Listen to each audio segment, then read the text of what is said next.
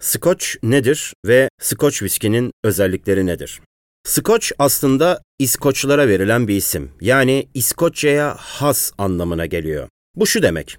Eğer bir viskinin üzerinde Scotch yazıyorsa mutlaka bu viskinin İskoçya sınırları içinde üretilmesi, orada damıtılması, gene İskoç kaynaklarını ağırlıklı olarak kullanması, İskoçya'da olgunlaşması ve gene İskoçya'da şişeleniyor olması anlamına gelir. Peki Scotch viskilerin özellikleri nedir? Tabii ki hikaye çok çok uzun ama kısaca bahsetmek gerekirse ham madde olan tahıl genelde İskoçya'dan kullanılır. İskoçlar ağırlıklı olarak arpa kullanırlar ve bu arpalar dünyanın en ince kabuklu arpalarıdır. Bunun haricinde İskoçlar doğal nehir ve kaynak suları kullanırlar. Hatta bazı viskiler buzul sularıyla yapılmaktadır.